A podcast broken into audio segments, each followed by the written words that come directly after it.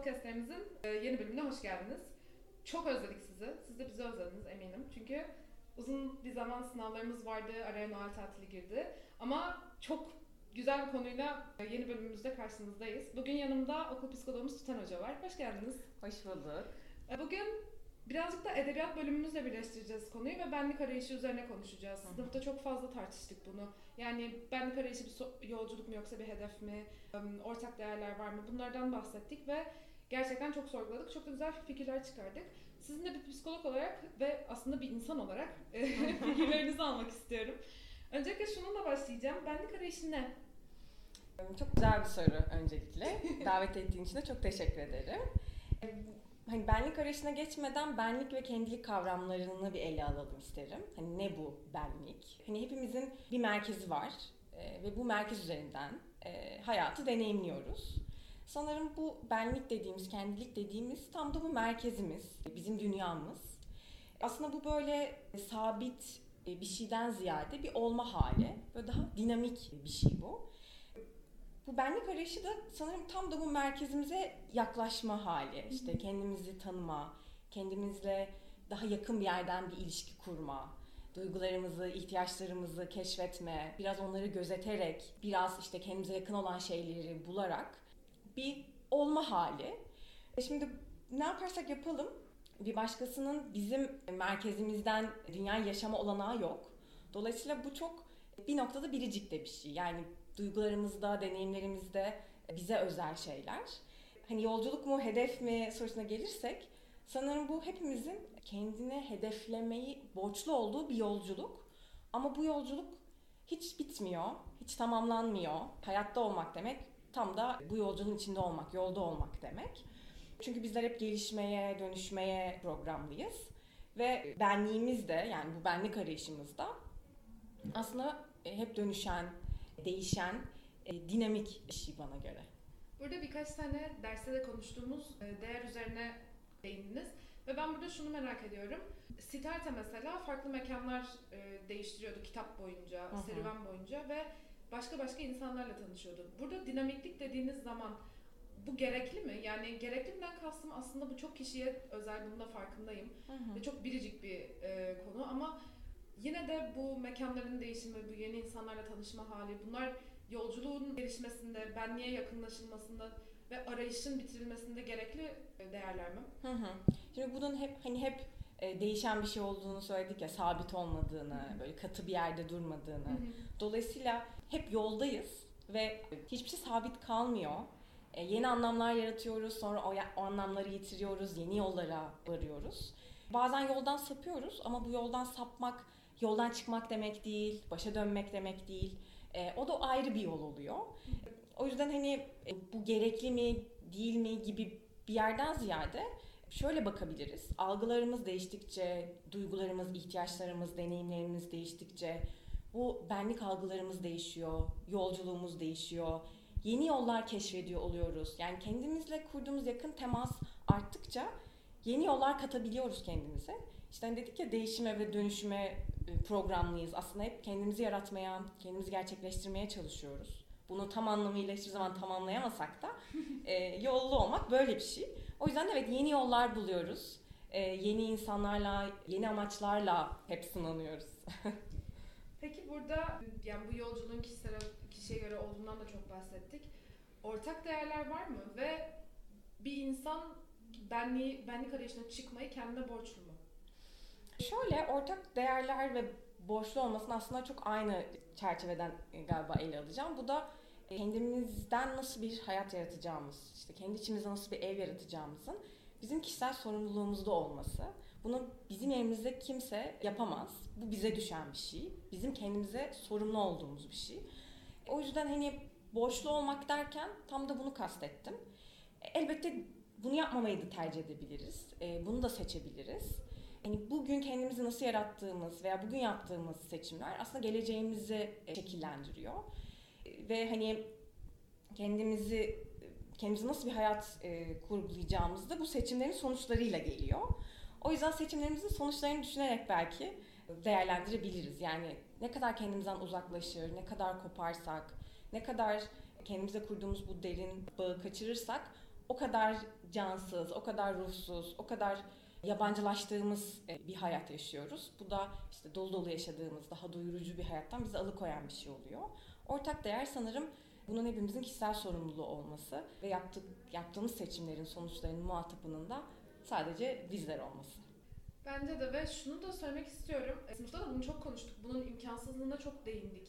Yani aslında ikiye ayrıldık burada sınıfta. Yani hmm. bir bölümümüz dedi ki bu imkansız biz buna yani bu bir an ve biz bu ana özellikle kitaptaki gibi bir aydınlanma anına hayatta erişemeyiz. Bir aydınlanma anı olmasa bile benliğini bulmak, kendini bulmak, kendine baş başa kalmak hiç kolay bir şey değil ve bizim bu ana erişmemiz için e, gerçekten inanılmaz bir şeylerin olması lazım. Bir mucizenin olması lazım dediler. Bir bölümümüzde dedik ki benliğimiz aslında içimizde. Bu yüzden aslında bunu bulmak da çok kolay. Ve biz bunu yapabiliriz ve tamam çok uzun seneler sürebilir ama yine de yapılabilir ve kolay da bir şey. Yani orada bile ikiye bölündük kolay ve zor diye. Siz ne düşünüyorsunuz bu konuda? Ya kolay ve zorluktan ziyade biraz da şöyle bakıyorum ben galiba olaya. Ne oluyor da kendimden bu kadar kopmak istiyorum? E, ne oluyor da bu bana bu kadar imkansız geliyor? Ya da hani e, ne oluyor da kendimi e, o o durumun içinde buluyorum? E, bana iyi gelen ne? Beni zorlayan ne? Bir şey beni zorladığında ne yapmayı seçiyorum? Daha böyle kapsayıcı, daha bütüncül yaklaşmak sanki gerekiyor. Yani bu böyle bir bir an olacak ve biz aydınlanma yaşayacağız gibi bir şey değil. O yüzden sabit değil. E, o yüzden bir olma hali. E, bunu yavaş yavaş şekillendiriyor, dönüştürüyor oluyoruz. Mesele belki şöyle bir ayrımda. Hani kendi iç sesime, kendi arzularıma, bana canlı hissettiren şeylere göre mi hayatımı kurguluyorum, kuruyorum? Yoksa işte ezbere, sorgulamadan, kendimi yapmak zorunda hissettiğim bir takım dış standartlara, dış, dış reçetelere göre mi, onların peşinden mi gidiyorum gibi bir şey. Yani şu an belki çok soyut kaldı ama istersen spesifikleştiririz. Evet yani zaten soyut. O yüzden aslında o yüzden çok o yüzden çok yılgan bir yüzeyin üstünde yürüyoruz. Yani bunların hepsi çok soyut kavramlar ve bu yüzden sınıfta çok e, tartışılan bir kitap oldu. Çok üzerine konuştuğumuz Hı-hı. bir kitap oldu. Ve burada bir şey sormak istiyorum. Kendimden uzaklaşmak dediniz. Orada sınıfta tartıştığımız başka bir bölümün alt konusu geldi aklıma. Dünyevi zevkler. Hı-hı. Yani kitapta bundan çok bahsediliyordu. Para, zenginlik, başarı ama kime göre başarı? Ve bunlardan da konuştuk. Ben ve birkaç kişi daha dedik ki dünyevi zevkler aslında benlik arayışımızın önünde gerçekten de bir e, engel midir yoksa bunlarla beraber yani bunlar bir şekilde yolculuğumuza harmanlanır ve biz bunlar, buradan mı devam ederiz? Siz bu konuda ne düşünüyorsunuz? Aslında hani burada da yine çok siyah beyaz bakmıyorum galiba. Bazen e, hani kitapta belirtilen işte dünya zevkler, belki bugün modern çağımıza bunu uyarlarsak işte hani daha tüketim odaklı ol, e, olduğumuz, daha göstermeye odaklı olduğumuz, daha nicel e, veriler üzerinden, daha sayısal veriler üzerinden e, kendimizi değerlendirdiğimiz, ne bileyim işte bir takım dışsal standartlar e, içine sıkıştığımızda kendimizi o koşulları ancak karşılarsak değerli kıldığımız gibi yaşadığımız çağın, modern çağın getirdiği şeyleri uyumlarken bulabiliriz. E, bunlarla tamamen her zaman sıyrılmak mümkün de olmayabilir.